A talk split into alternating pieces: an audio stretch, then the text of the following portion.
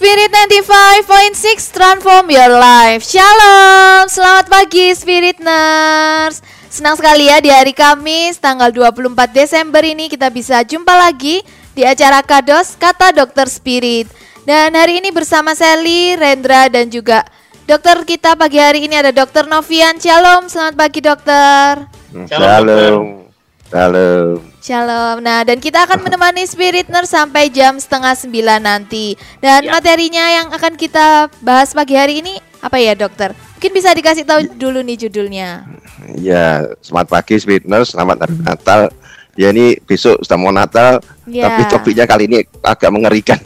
Iya, Itu adalah tentang eh, nyeri pada pasien kanker. gitu. Ya, Oke, tentang nyeri pada kanker ya, dokter ya. Iya. Dan sekarang lagi suasana Natal nih, Spirit Nurse. Jadi kita tetap semangat ya pagi hari ini juga ya, Ren. betul banget. Dan Sel. yang bisa bergabung bisa dari mana, Ren? Bisa WA kita ya, Ren, di 0822 Dan dengan formatnya, nama spasi umur, spasi alatope juga pertanyaannya seputar topik kita hari ini ya, cancer pain. Dan juga Spiritness bisa bergabung lewat live chat YouTube dan juga lewat DM Instagram. Karena sekarang kita juga sedang live ya, jadi Spiritness juga bisa langsung lihat dokternya, juga bisa lihat Rendra dan Sally di sini. Oke deh, dan kita akan masuk ke pembahasan tapi setelah satu pujian jadi tetap di Spirit 95.6.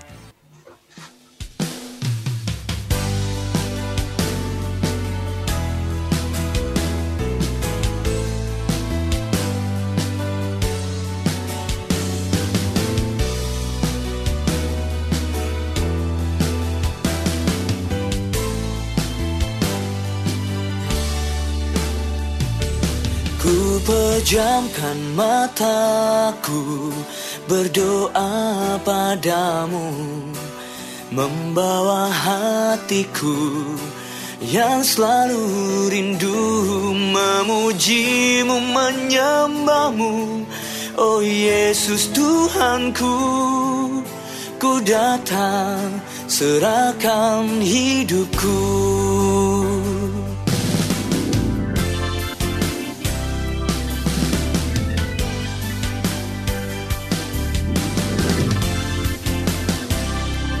Ku pejamkan mataku berdoa padamu Membawa hatiku yang selalu rindu Memujimu, menyembahmu. Oh Yesus Tuhanku Ku datang serahkan hidupku. Ini aku Senap hatiku Tuhan Memanggil namamu. Nama yang kudus Agung dan mulia. Oh Yesus Tuhanku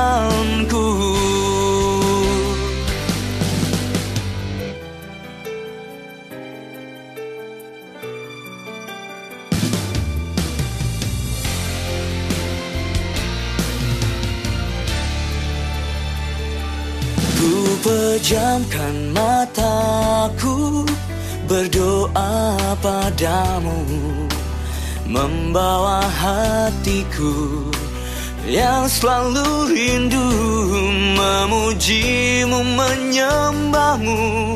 Oh Yesus Tuhanku Ku datang serahkan hidupku. Ini aku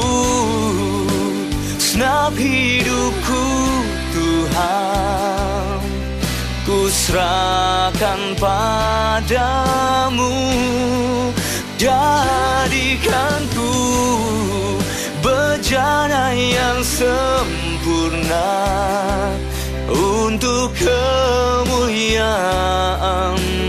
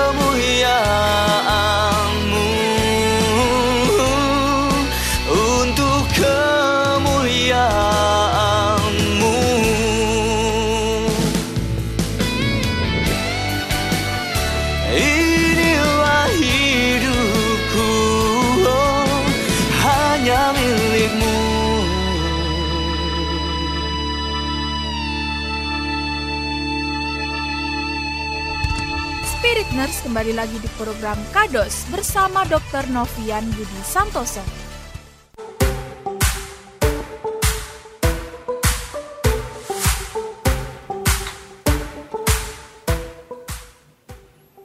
Oke, balik lagi di Spirit 95.6 masih bersama Rendra, Sally juga Dr. Novian dan Rendra juga masih mengundang buat Spirit Nurse yang mau gabungan juga bisa langsung hubungi di 0822 1000 2005. Iya. Dan jangan lupa juga formatnya nama spasi umur L atau P serta pertanyaannya ya Sel ya. Betul banget. Dan juga bisa bergabung melalui live chat di YouTube dan juga bisa DM melalui Instagram karena hari ini kita live juga secara YouTube juga di Instagram nih.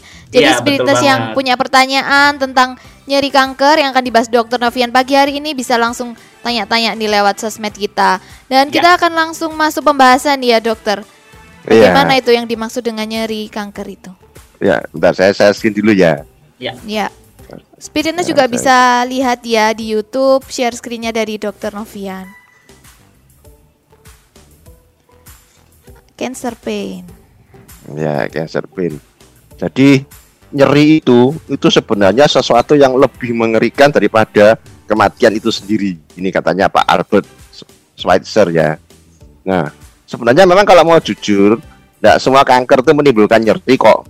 Jadi justru sebenarnya malah tidak ada terasa apa-apa, gitu. Hmm. Namunnya, tapi kalau ada nyerinya, kadang-kadang dokter bukan ribut ngurusin nyerinya, tapi sibuk ngurusin pengobatannya.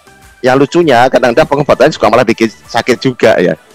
Orang Oh. dikasih kemo tuh, oh itu badan sak- sakit semua itu. Juga misalnya di sinar. Ya. Memang waktu sinar tidak apa-apa, tapi besoknya rasanya gosong semua. ya memang itu kan sinar ya gosong ya.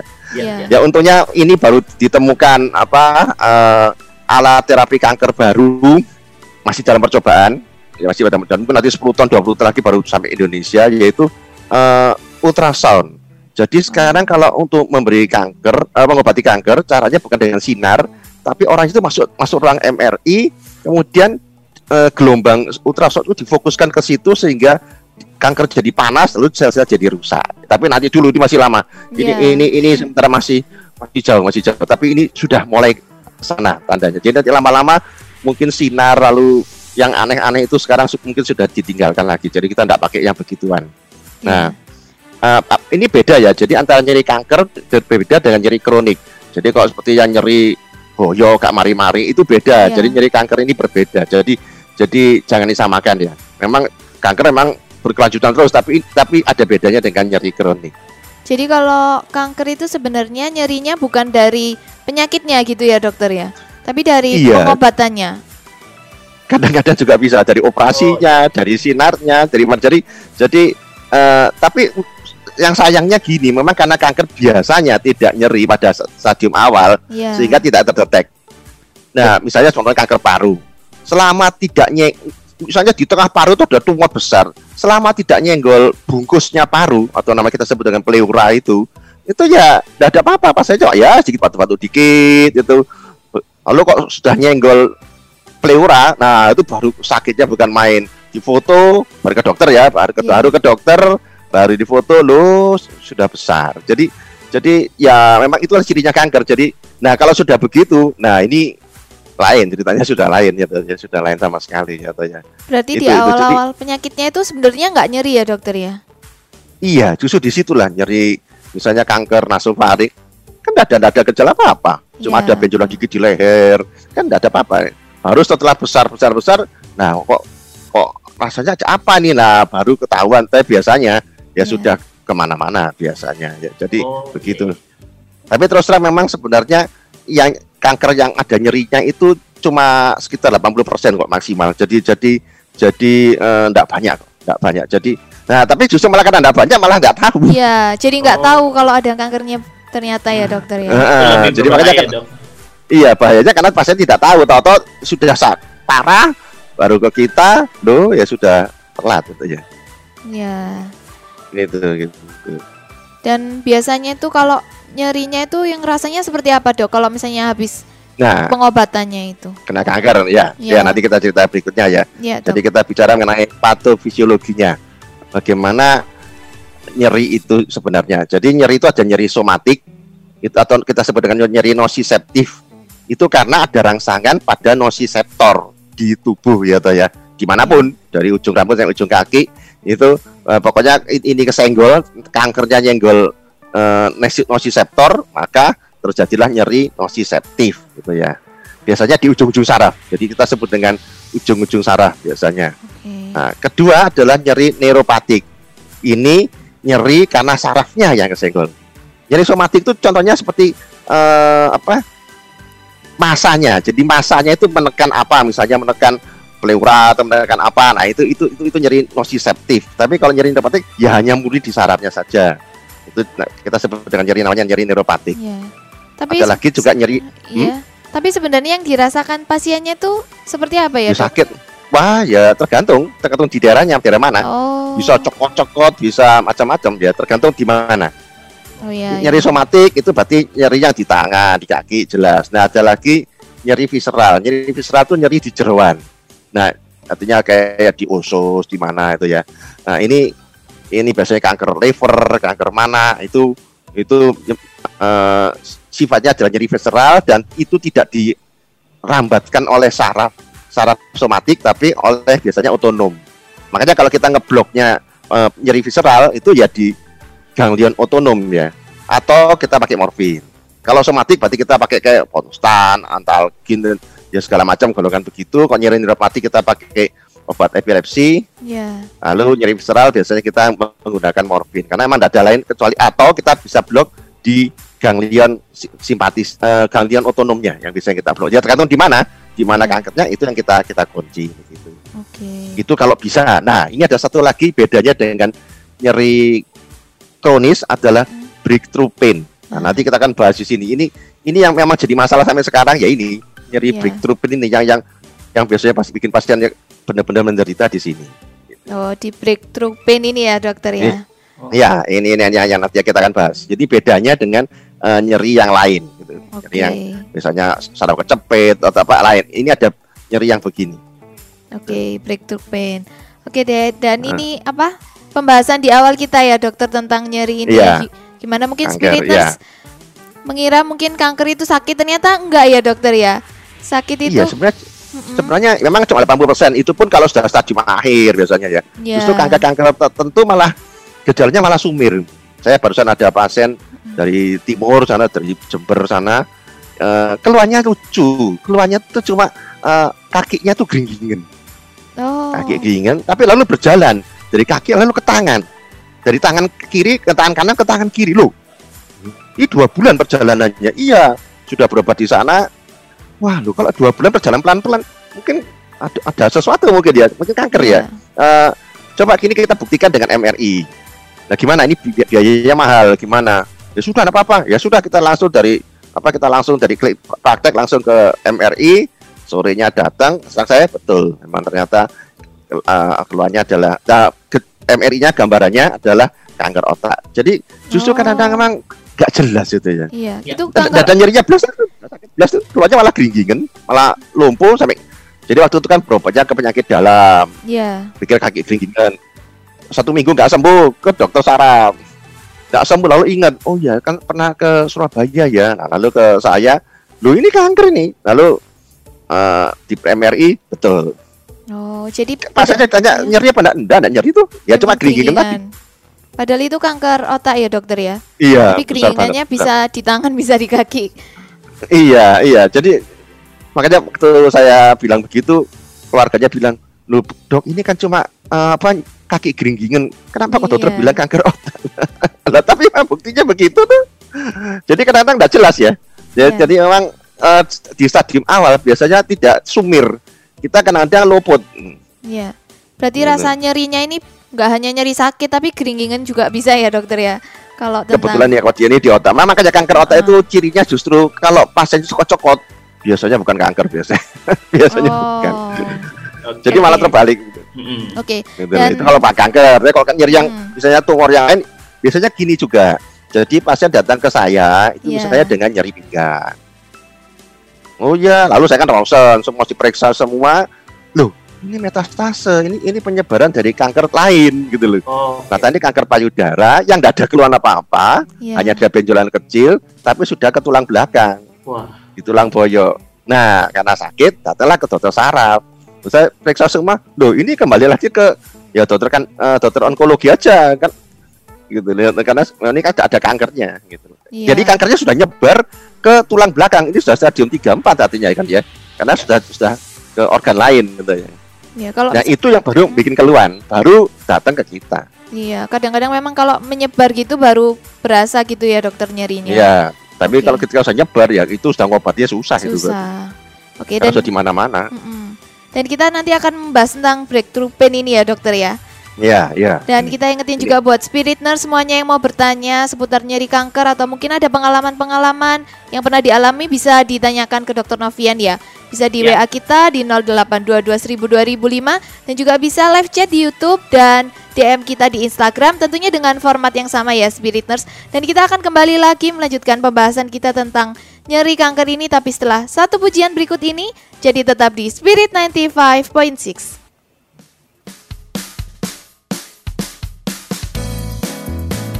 Aku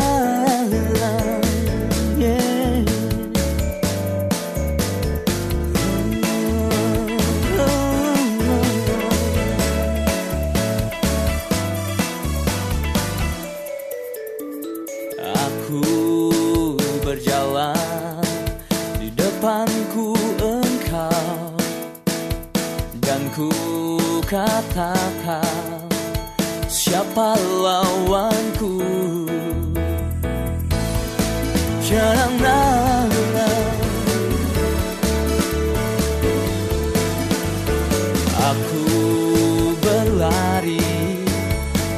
Mengejar mimpiku Dan kau nyatakan Kuasamu yang dahsyat.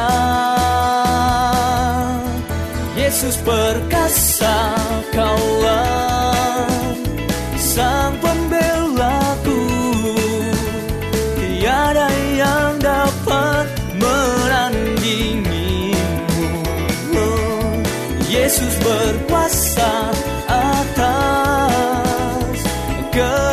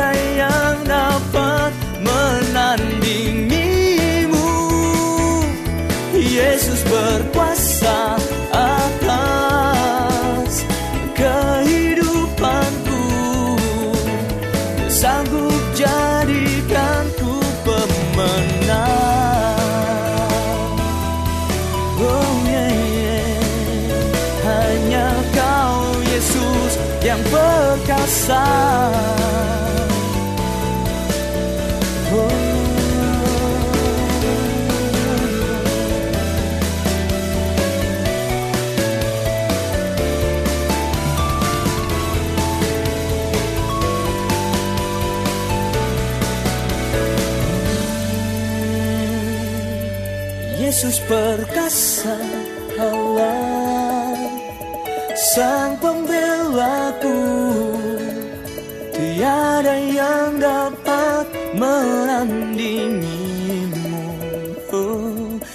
Yesus berkuasa atas kehidupanku. Dia sanggup jadikanku pemenang. Yesus perkasa kaulah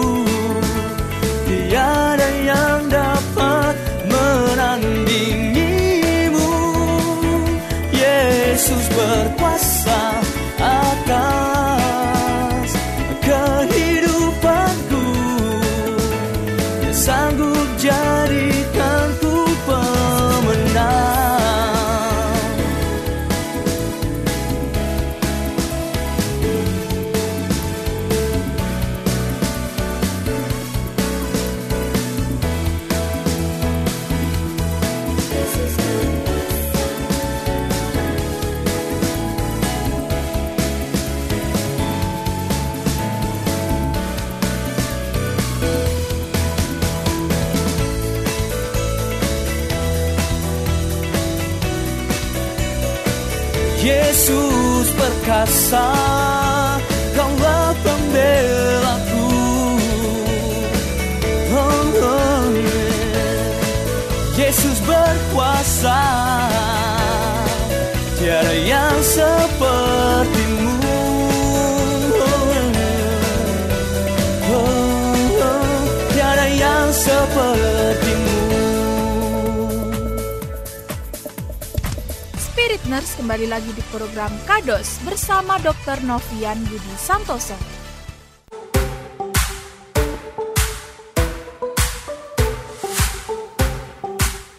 Oke, balik lagi di Spirit 95.6 masih bersama Rendra, Seli dan juga Dr. Novian nih. Dan kami masih mengundang buat Spirit Nurse yang mau gabungan bisa langsung hubungi di 0822 1000 2005. Dan jangan lupa juga formatnya nama spasi umur L atau P serta pertanyaannya nih. Betul banget. Dan Spirit Nurse juga bisa bergabung lewat live chat YouTube dan DM melalui Instagram. Tentunya dengan format yang sama, nama spasi umur spasi L atau P juga pertanyaannya. Dan Ya. ini sudah ada yang bertanya dok dari Ibu Ya. Fenty. Mau tanya, Herpes apa kalau sembuh bisa mengganggu syaraf yang kena sisi kanan? Apa bekas luka bisa sembuh dikasih salep? Apa dok? Iya, iya. Jadi ini kita sebut dengan post herpetic neuralgia. Ya, jadi nye- nyeri karena post her- kena herpes ya, ya. Iya. Ya, ini terus terang kalau saya, kalau saya datang datang ke saya, ini langsung sarafnya saya blok. Saya cari dulu sarafnya yang mana, maka pangkalnya kita kunci, kita kita blok. Biasanya langsung drastis, drastis sekali langsung apa nyerinya drastis. Biasanya obat pasien ini sudah minum kombinasi dua macam obat ya, misalnya gabapentin tambah pregabalin segala macam. Ini biasanya saya blok, saya kunci. Jadi dengan itu pengalaman bagus. Nah, yang jadi kadang-kadang lucu tuh gini. Saya ada pasien orang tua kena Iya. herpes, herpesnya tuh di paha sebelah dalam. Iya. Itu berarti itu area saraf obturator. Nah, ini pasiennya lagi. Nah, pangkalnya saraf obturator itu kan di sebelahnya burung itu kan. Jadi saya pakai jarum panjang, itu saya suntik di sebelahnya burung itu. Pak, sebenarnya langsung sembuh, nyerinya sudah banyak berkurang waktu kontrol. Dok, saya kok takut tuh disuntik lagi. Tapi sebenarnya nyerinya sudah hilang, sudah banyak sekali berkurang. Jadi sudah tidak sesakit dulu. Jadi memang gini, memang lukanya sudah kering, betul, lukanya sudah kering, tapi sarafnya di dalam is remek kabeh. Makanya jadi Oh. sakitnya bukan main. Ini sama juga dengan nyeri di ke, eh, post trauma kepala. Jadi trauma kepala, karena kan kulit kepala itu kan kulit kepala langsung tulang, gitu ya. Ya, Iya. Eh, waktu kena bentuk dok itu eh, memang lukanya sembuh, luka yang di luar gitu ya. Di dalam sarafnya remek. Ya, jadi Oh. caranya kita kunci sarafnya di pangkalnya. Nah, kita cari Oke. ini ini eh, saraf i- i- sarafnya dari mana? Eh, dari sini. Oh, dari sini. dah. Kita kunci di pangkalnya. Itu la- langsung drastis. Jadi 90% sudah berkurang. Nah, nanti obat kasih yang ringan-ringan aja. Gitu. Tapi minimal sudah tidak mengganggu gitu loh. Oke. Gitu loh. Itu caranya gitu caranya. Jadi memang untuk herpes ini memang paling paling mantap itu kita kunci langsung. Kita kalau minum obat misalnya obat-obat epilepsi itu itu ah, ya apa masa minum tiap hari sampai kapan? Iya. enam bulan ya masih sakit, setahun masih sakit minum obat terus ya kasihan tuh ya. Obat lupa, waduh kumat lagi, cekot cekot. Di dada juga podo repote. Jadi kita kunci di dada, ya makanya tergantung di mana lokasinya itu kita kunci eh, saraf di Berarti- pangkalnya. Berarti harus dicari dulu ya dokter untuk lokasinya. Iya, iya, iya, kita kunci di sana. Dan kalau begitu. ini bekas luka apa bisa disembuhkan dengan salep, dokter? Kalau bekas luka ya paling dua minggu kan ya sudah kering toh ya. Ya kasih antibiotik aja yang sudah kering toh. Bekas lukanya sudah kering, gampang itu biasa, nah sembuh sendiri kok. Biasa jangan kena diabetes atau kena yang lain ya. Ya. Biasanya sembuh sendiri, sudah ada masalah. Bekas luka itu sudah ada masalah. Oke. Sudah kering, tapi cokot-cokotnya masih kan. Nah itu yang nama kita sebut dengan postherpetic neuralgia. Caranya ya kita kunci sarafnya di pangkalnya. Nah makanya kita harus tahu ini daerah mana, oh berarti sarafnya sini. Ah kita kunci di situ. Oke, dan ini untuk Ibu Fenty ya. Dan kita kembali Iya. lagi dokter ke pembahasan kita yang breakthrough pain tadi. Oh ya, sebentar kita share screen dulu ya. Ya, Share screen, share screen dulu. Ya, sebentar. sebentar. nah ini Spiritness juga bisa lihat ya, mungkin bisa bergabung di YouTube dan melihat langsung share screen dari Dokter Novian. Ya. Jadi apa tuh breakthrough pain? Breakthrough pain itu adalah nyeri yang sangat hebat, ya toh. Mau dari moderate sampai severe sangat hebat. Pada kondisi sudah terkontrol. Jadi gini misalnya, eh, pasiennya sudah dikasih obat apa yang sesuai dengan yang cukup, artinya dosis sekian sudah cukup. Tapi Iya. mendadak, tidak tahu kenapa, tahu-tahu, aduh sakitnya bukan main. Ini in- insidennya 30% sampai 90% ya. Jadi artinya bisa aduh sakitnya bukan main gitu. Dan ini tidak terkontrol. Memang sudah kondisi yang background nyerinya sudah terkontrol, tapi tahu-tahu ada ledakan-ledakan ini. Ini. Kenapa? Kadang-kadang karena gerakan. Jadi itu bisa diduga. Pokoknya jangan gerak gini, gerak gini, tek kesenggol sarafnya, des, sakitnya bukan main. Atau yang tidak bisa kita ramal ya, ya. Karena seperti kram pada kandung kemih atau apa yang kadang dia tahu ya, ya pokoknya ya spontan aja tahu-tahu ya ada saja gitu loh. Jadi jadi sakitnya bukan main. Ini yang susah ini. Ya. Kalau, eh, mengendalikan susah. Kalau yang yang breakthrough pain, kalau nyeri kronis, nyeri yang kemeng itu kita mungkin bisa ya, karena kan kita bisa atur dosisnya cukup. Tapi kalau ini memang memang susah. Ini ini memang tantangan kita. Susah. Dan ini apa semua jenis kanker atau kanker tertentu aja dokter yang ada nyeri yang seperti ini? Ya hampir semua ya. Jadi Hampir hampir semua. semua. kok. Ya ada saja kok tahu-tahu begitu gitu aja. Jadi aduh sakit sekali gitu. Ya tergantung di daerah mana. Ya pokoknya kalau itu kesenggol, ya ini kan kanker mulai dari kecil saya besar kan ya. Ya. Jadi ini di stadium akhir-akhir ini, di stadium akhir ini, nah seperti ini, sakitnya seperti ini. Gitu. loh. Oke. Kan Dan- kalau mungkin sekarang belum ada, tapi nanti lebih lanjut, tumbuhnya kan tumbuh terus. Nah Iya. itu kan sana lah baru muncul. Gitu. Dan ini mungkin Karena berlangsungnya lama atau hanya sebentar-sebentar gitu dok? Sebentar tapi sakitnya bukan main. Jadi ini transient exacerbation. Jadi sesaat tapi luar biasa sakitnya. Oh. Saya pasiennya nggak tahan ini. Jadi kasih lagi, nggak bisa karena transient ini kan ya kagetan dia. Nanti malah overdosis. ini obatnya malah Iya. overdosis ya. Makanya ini repot. Misalnya pakai morfin berarti kan harus di rumah sakit. Begitu kumat ininya breakthrough pain langsung suntik. Nanti langsung suntik. Ya, ya memang repot, memang repot. Jadi ini yang sedikit Iya. anu ya, sedikit berbahaya atau enggak ya dokter? Atau memang cuma sakit aja? Ya, ya cuma sakit aja. Ya kan kankernya jalan terus ya. Kankernya Iya. kan jalan terus. Pokoknya gini loh, yang membunuh kanker yang membunuh itu kalau dia masuk ke organ-organ penting, contohnya paru. Kalau masuk paru berarti kan dia sudah ada napas atau Iya. masuk ke otak. Ya, pokoknya kalau selama belum nyenggol ke sana, ya sebenarnya ya tidak mem, membunuh gitu ya. Ya. Makanya kanker selama tidak nyenggol ke pokoknya di paru atau di otak, biasanya ya sih lama. Misalnya kanker payudara yang besarnya seperti semangka, seperti pepaya gitu ya besarnya. Selama Iya. dia tidak ke mana-mana, cuma di situ, ya cuma karena beban aja berat aja. Tapi kan dia tidak membunuh kan. Gitu. Membunuhnya kalau dia masuk otak, masuk paru, nah itu baru membunuh. Oke. Dan kalau penyebab rasa nyeri-nyeri dalam pada kanker ini gimana dokter? Penyebabnya apa saja gitu? Ya, ah, oke sekarang kita mundur lagi ya, kita mundur lagi. Nah, eh, ini, jadi sumber nyerinya itu adalah sepertiga itu karena terapi kuratif, misalnya operasi, karena sinar, Mm-mm. karena kemo, itu juga. Jadi lucu ya. Jadi memang eh, justru nyerinya itu karena pengobatan juga bisa. Belum tentu karena karena Penyakitnya. kankernya tapi karena karena pengobatan kankernya juga bisa bikin sakit ya toh ya. Nah, yang banyak adalah metastase, penyebarannya, anak sebarnya. Nah, itu biasanya eh, misalnya tadi kanker payudara yang kecil yang nggak ada rasanya, tapi sudah nyebar ke tulang belakang. Karena ke boyok maka sakit pinggang, oh bagian jatuh saraf. Lalu ke saya, saya periksa, loh ini karena kanker ini. Kalau karena kanker, ya saya ya ke dokter kanker saja.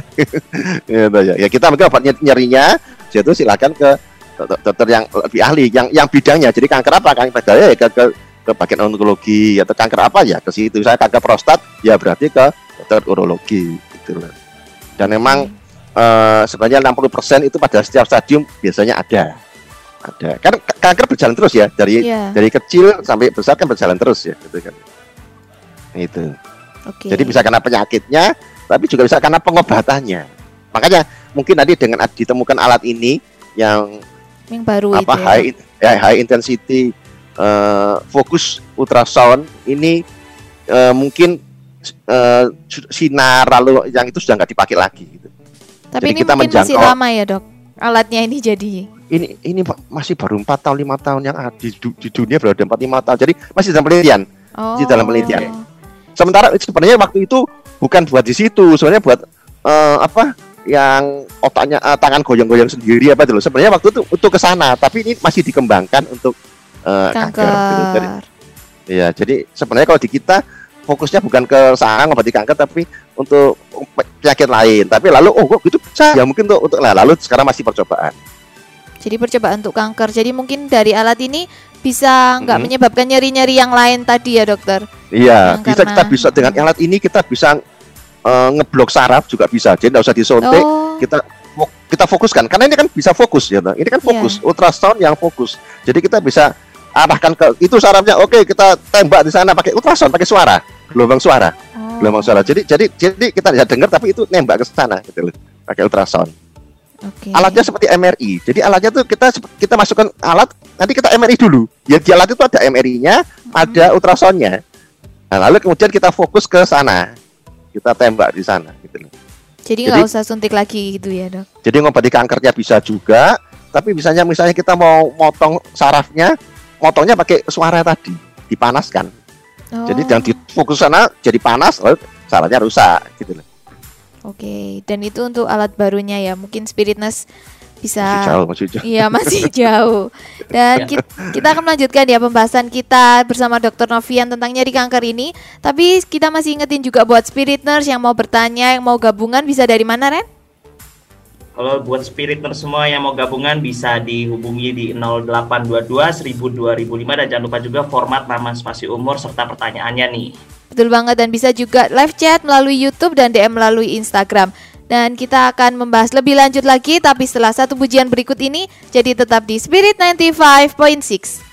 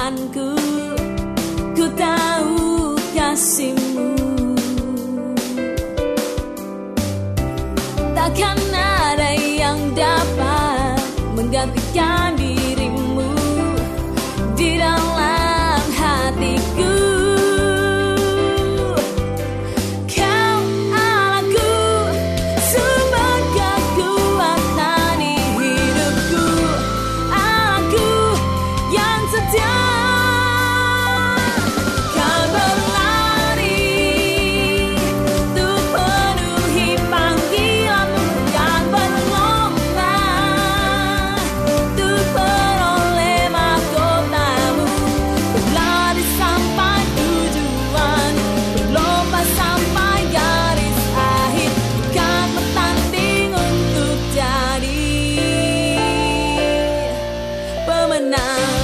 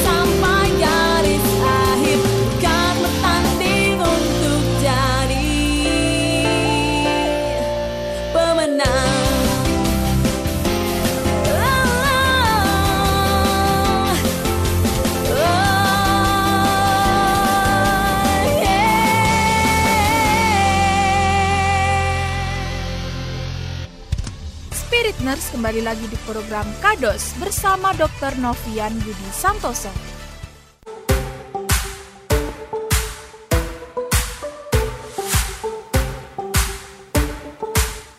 Oke, balik lagi di Spirit 95.6 masih bersama Rendra Seli dan juga Dr. Noviani. Dan kita masih mengundang buat Spirit Nurse yang mau gabungan bisa langsung hubungi di 0822 1000 2005. Dan jangan lupa juga formatnya nama spasi umur, L atau P serta pertanyaannya. Betul banget. Dan Spiritness juga bisa bertanya lewat live chat YouTube dan juga DM melalui Instagram. Dan Ya. ini sudah ada yang bertanya tadi dari Ibu Fenty. Sudah dikasih obat-obatan ini dokter selama satu minggu. Tapi kaki masih Iya. lemes. Gimana ya jalan keluarnya dok? Iya. Jadi obatnya sudah betul, obatnya asiklovir, alfusin, metikoba, semua sudah betul ya. Eh, tapi memang gini, eh, walaupun luka sudah kering, sudah satu bulan, dua bulan kering, tapi bekas-bekasnya, jadi puing-puingnya saraf itu masih ada dan Iya. itu yang membuat nyeri. Ini tidak ada ngurusin nyeri, malah yang saya lihat malah malah lebih obat tidur, malah anti Oh. antihistamin. Apa maksudnya biar tidur biar nggak sakit? Kalau saya lihat ya. Jadi kalau fase akut memang kita kasih asiklovir, tapi paling-paling kan seminggu 10 hari kan sudah ya, ya sudah kering.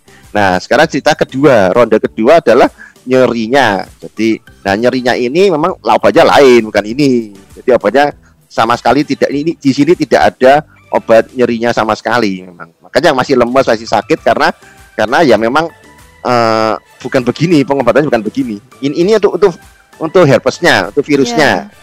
Ya, minggu pertama, minggu kedua cukup selesai. Ya toh. Dan biasanya luka sudah kering. Nah, sekarang kita tidak bahas lagi virusnya lagi karena virus sudah selesai. Nah, sekarang kita bahas yang nyerinya. Obatnya bukan ini. Oke, berarti ini Serang. harus konsultasi mungkin ya dokter ya. Blok blok saraf bisa. Iya, jadi obat ini memang ya ini memang ngobati virusnya, Hmm. tapi bukan ngobati nyerinya. Yang dikeluhkan kan nyerinya kan? Ya lemas masih lemas kakinya dok. Iya. Kalau lemas iya, itu juga iya. karena ini ya dok, karena belum diblok tadi itu ya dok.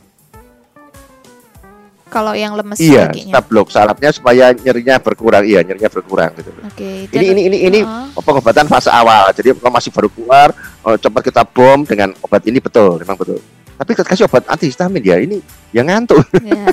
jangan-jangan gara lemesnya gara-gara ngantuknya mungkin ya Oke. Oh, berarti untuk Ibu kalau op- Hmm, gimana, Dok? ya jadi ini obatnya memang ngantuk jadi apa lemesnya karena ngantuknya itu saya nggak tahu tapi kalau nyerinya memang di sini tidak ada tidak ada obatnya maksudnya gitu. Oke. tidak ada obat untuk nyeri ini Ya, mungkin untuk Ibu Fenty biar lebih jelas bisa konsultasi juga ya, Dokter ya. Dan ya juga bisa diketahui penyebab lemasnya itu karena obatnya ini atau karena memang penyakitnya itu. Oke, dan kita Ya. kembali lagi dokter ke penyebab cancer pain ini. oh ya ya kita share screen lagi ya Ya.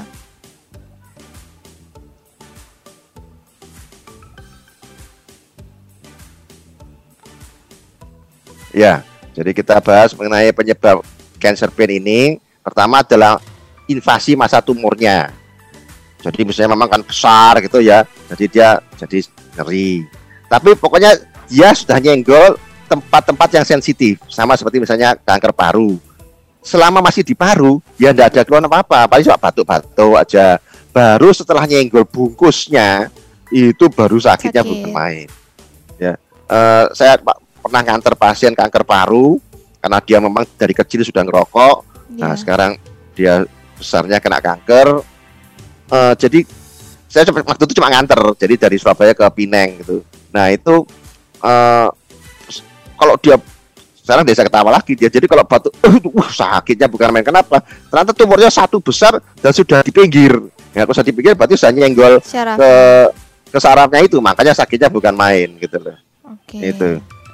Nah, selama belum nyenggol ya biasanya tidak ada apa-apa. Ya ketawa-ketawa saja, ngerokok ya ketawa-ketawa saja ya, gitu loh. Jadi yang penting di situ, yang penting di situ, ya.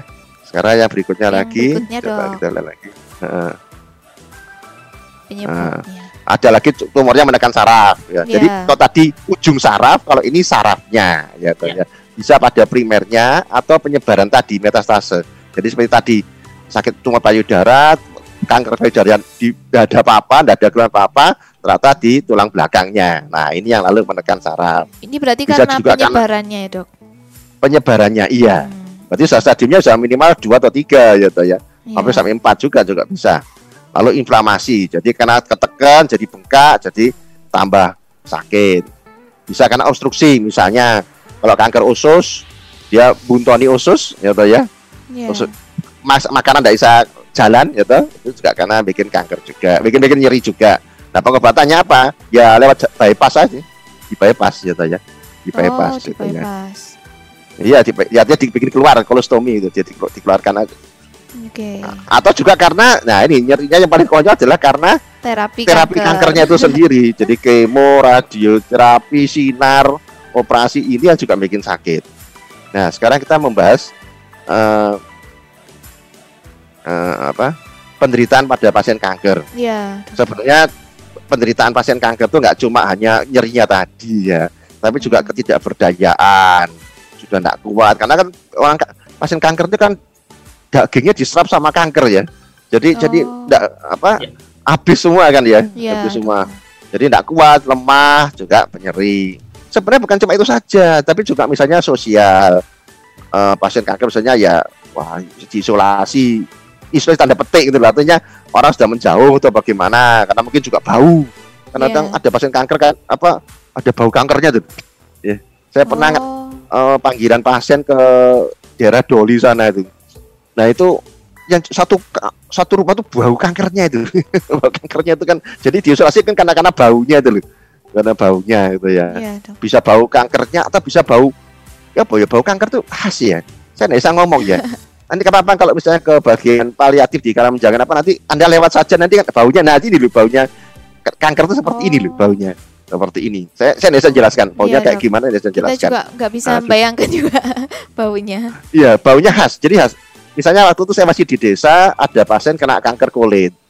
Ya, pasiennya kan antre gitu. Tapi saya Iya. tidak usah dia ngomong, saya cuma lihat lihat dan bau saja sudah tahu di kanker kulit sudah gitu. Jadi tidak usah diperiksa macam tidak usah, baunya saja sudah tahu, bau ini bau kanker gitu. Khas, baunya khas ya. Jadi jadi Iya. pokoknya ya lewat aja sudah tahu kanker gitu gitu. Oh. baunya khas, baunya khas. Emang emang saya susah menceritakannya susah. Ya mesti ke sana nanti ini loh baunya kayak gini loh. Iya. Baunya kayak gini. Tapi itu untuk semua jenis kanker atau hanya tertentu saja yang menyebabkan rasanya bau itu, Dok? ha- hampir semua, hampir, Hampir semua. semua. Tentu yang terbuka ya, artinya yang berhadapan langsung dengan udara. Kalau misalnya kanker otak ya bagaimana kita membaunya kan, Iya, ya, di dia kan di dalam dalam tempurung kan nggak bisa ya, Mbak, ya. Yang yang di luar. Jadi artinya misalnya atau kalau bisa keluar misalnya kanker serviks apa itu kan eh, baunya lendirnya bisa keluar. Nah itu baunya itu kita bisa menciumnya gitu loh. Oh, Ya. oke. Ya kalau di dalam misalnya kanker paru ya kita Iya, kan nggak bisa. membau. gitu. Kita buka dulu parunya baru baru baru. Ya. Jadi makanya diisolasi. Isolasi tanda petik artinya apa? Baunya tidak karu-karuan. Gitu. Bisa juga karena PHK, masalah keluarga, ya ini karena keuangan segala Iya. macam. Jadi tidak cuma hanya nyerinya saja, tapi juga ada masalah lain ya seperti sosial ini. Ada lagi psikologi, yaitu depresi, ada perasaan bersalah. Iya ya, dulu kenapa aku kok ngerokok ya? Kan sudah dilarangi sama orang tua lah. Kalau sadar ya, Kalau sadar, kalau ya kadang-kadang ada yang nggak Ya. Dan biasanya kalau tapi sadar, sadar dok kalau Perasaan sudah ber- sakit biasanya. Hah? ya kasem. Ya, sadarnya pas sudah Nah. sakit. ada juga perasaan hopeless artinya ya ah, cepat mati gitu ya. Nah ada helpless juga. Jadi ada yang tidak ada harapan tapi juga eh, dia tahu bahwa sebenarnya dokter pun mungkin juga bisa nolong kan ya. Kenapa? Ya stadium akhir mau diapakan? Ya semua tangan tangan ya kan ya. Ya. Ya dong nah juga spiritual juga. Wah ini hukuman dari Tuhan. Atau juga bisa ke gereja. Wah nanti ini eh, aku masuk neraka ini kalau kalau nggak nggak ke gereja. Nah seperti itu. Jadi jadi apa eh, penderitaannya tidak cuma hanya nyeri saja tapi banyak ya kompleks masalah Iya. keuangan. Psikologisnya juga gitu ya dok. ya terapinya kan mahal gitu kan ya. Itu itu yang beritanya macam-macam gitu.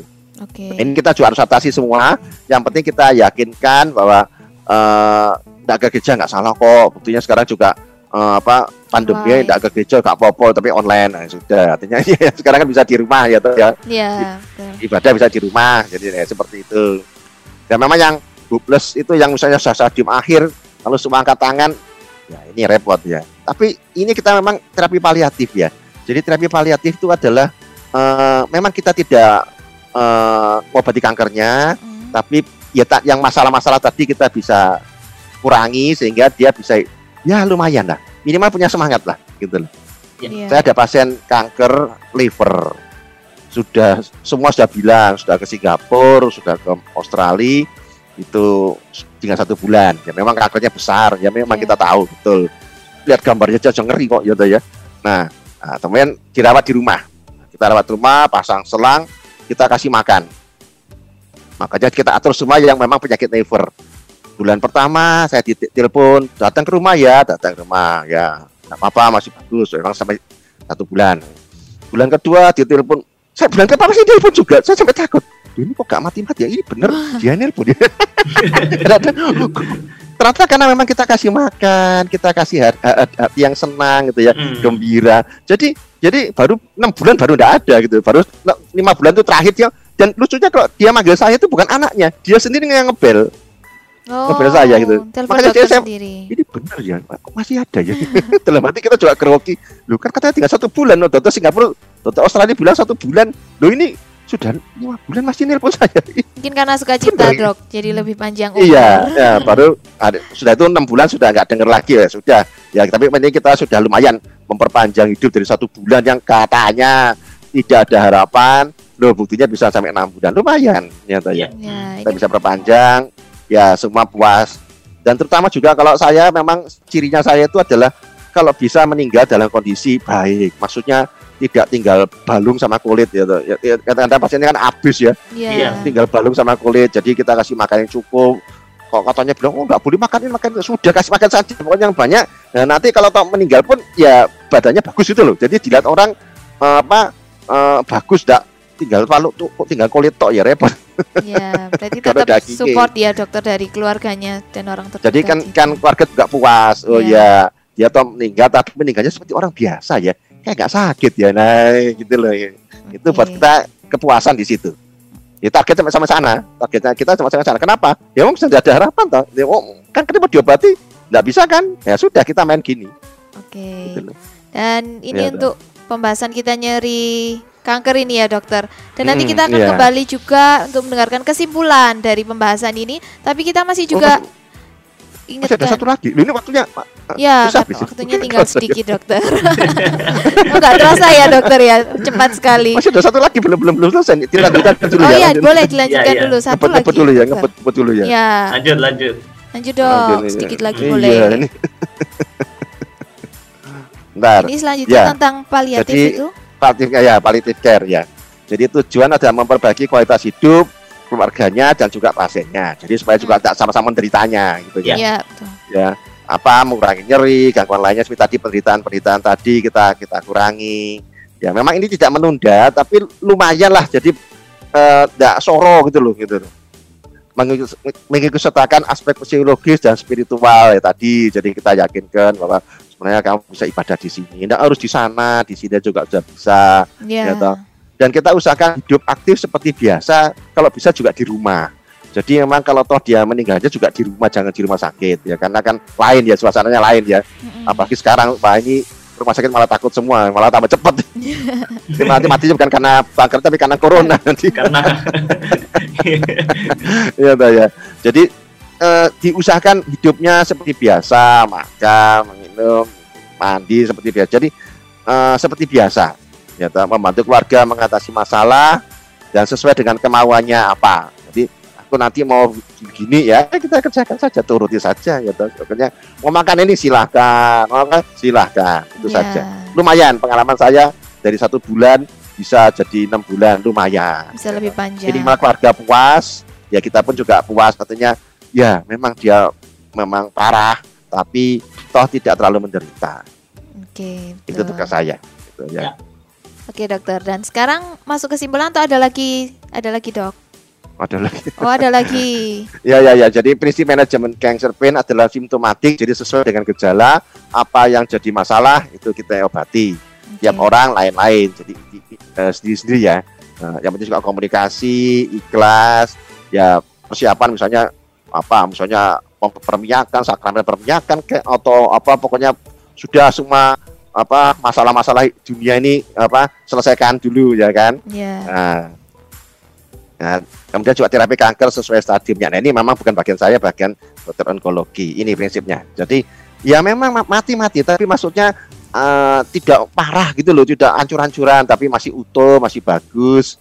Eh, yang keluarga juga ada kadang-kadang ngomong ya ya seperti biasa saja nah ini kan enak ya Iya. Masa mati matanya melotot itu kan ya repot itu ya itu itu prinsip daripada pengobatan paliatif Oke. Ya. Dan untuk kesimpulannya cancer pain hari ini, Dok. iya Atau mungkin jadi ada tips-tipsnya juga untuk spirit nurse Ya semuanya. sebenarnya memang jangan sampai kena cancer pain kalau bisa. Kalau bisa sebelumnya sudah check up, sudah ketahuan dan cepat diatasi ya kalau bisa ya. Yang Iya. penting jangan sampai telat ya toh ya. ini Nah, ada caranya, dok, buat mencegahnya sebelum? Ya mungkin check up untuk tanda-tanda kanker. Eh, kalau orang yang mampu itu itu senangnya itu MRI seluruh tubuh. Oh, Memang Oh. mahal. mm. Tapi kalau misalnya kena kanker langsung ketahuan. Oh, udah ada kanker kecil di sini lah ketahuan gitu. loh. Jadi Oh. selain ada penanda-penanda kanker di darah, tapi juga kadang-kadang pasien itu eh, memeriksakan MRI seluruh tubuh dengan kontras. Nah, itu nanti ketahuan, oh di sini ada sesuatu gitu kecil. Kadang-kadang ketahuan. Ya itu mungkin tiap setahun, dua tahun sekali. Mahal, mahal. karena kan dari kepala sampai sampai kaki itu kan mahal. Oh. Tapi ya mungkin pada orang yang mampu mungkin bisa diperiksakan itu. gitu. Oke. Oh. Lalu kita Oke, jadi oke. ketahuan yang yang awalnya luput jadi ketahuan. Oke. betul. Itu salah satu eh, apa pendeteksi kanker stadium dini ya. Kalau Oh. bisa jangan sampai kena cancer pain kalau bisa ya jangan toh ya ya jangan kalau bisa ya Iya. ini sudah sudah ketahuan. Sama juga Hmm. misalnya herpes ini juga. Jadi sebenarnya mencegah herpes tuh ny- nyari herpes tuh apa? Ya jangan atau kalau kena pun sekarang sudah vaksinasi, sudah vaksinasi untuk herpes kan sudah ada ya toh ya. Iya. Tapi kalau tahu tidak vaksinasi baru muncul hari pertama langsung dibom obat. Nah, Oh, supaya oke. nyerinya juga tidak terlalu parah gitu. Iya. Jangan tunggu sampai sudah seluruh kaki kena semua baru ke dokter. Nah, ya sudah acur ini semua. Ya itu loh. Jadi cepat bergeraknya cepat. Oh iya, tanggap ya dok ya. Tanggap ya itu. Oke, dan Seperti itu. Jadi jangan sampai kena. Kalau saya bilang ya jangan sampai kena. Iya, Tipnya iya. jangan sampai kena. Oh iya betul. Dan buat spiriters yang lain mungkin karena waktunya tinggal sedikit, kalau mungkin masih ada yang mau ditanyakan ke Dokter Novian, bisa langsung konsultasi ya dok. Datang Iya. di Dharma Husada Indah Utara 14 U408. Dan bisa juga menghubungi nomor 0815507742 bersama Iya. Dokter Novian betul ya dok. Di sana Iya. prakteknya setiap hari. setiap hari. Eh, eh, eh, mungkin bisa WA dulu atau apa untuk Oke. janjian gitu. Ya. Ini musim liburan soalnya. Oh iya, mungkin sedang liburan jadi WA dulu janjian dengan Dokter Novian ya. Saya ulangi Iya. lagi di 0815507742. Dan terima kasih untuk Dokter Novian sudah berbagi ilmu buat kita pagi Ya, hari terima ini. kasih dokter. Hmm, Dan sama-sama. Buat spiritnya semuanya juga terima kasih juga untuk Ibu Fenty yang sudah bergabung. Terima kasih dan dari studio kita akan pamit. Saya Lirendra dan Dokter Novian pamit kami mengucapkan Tuhan Yesus memberkati. Memberkati.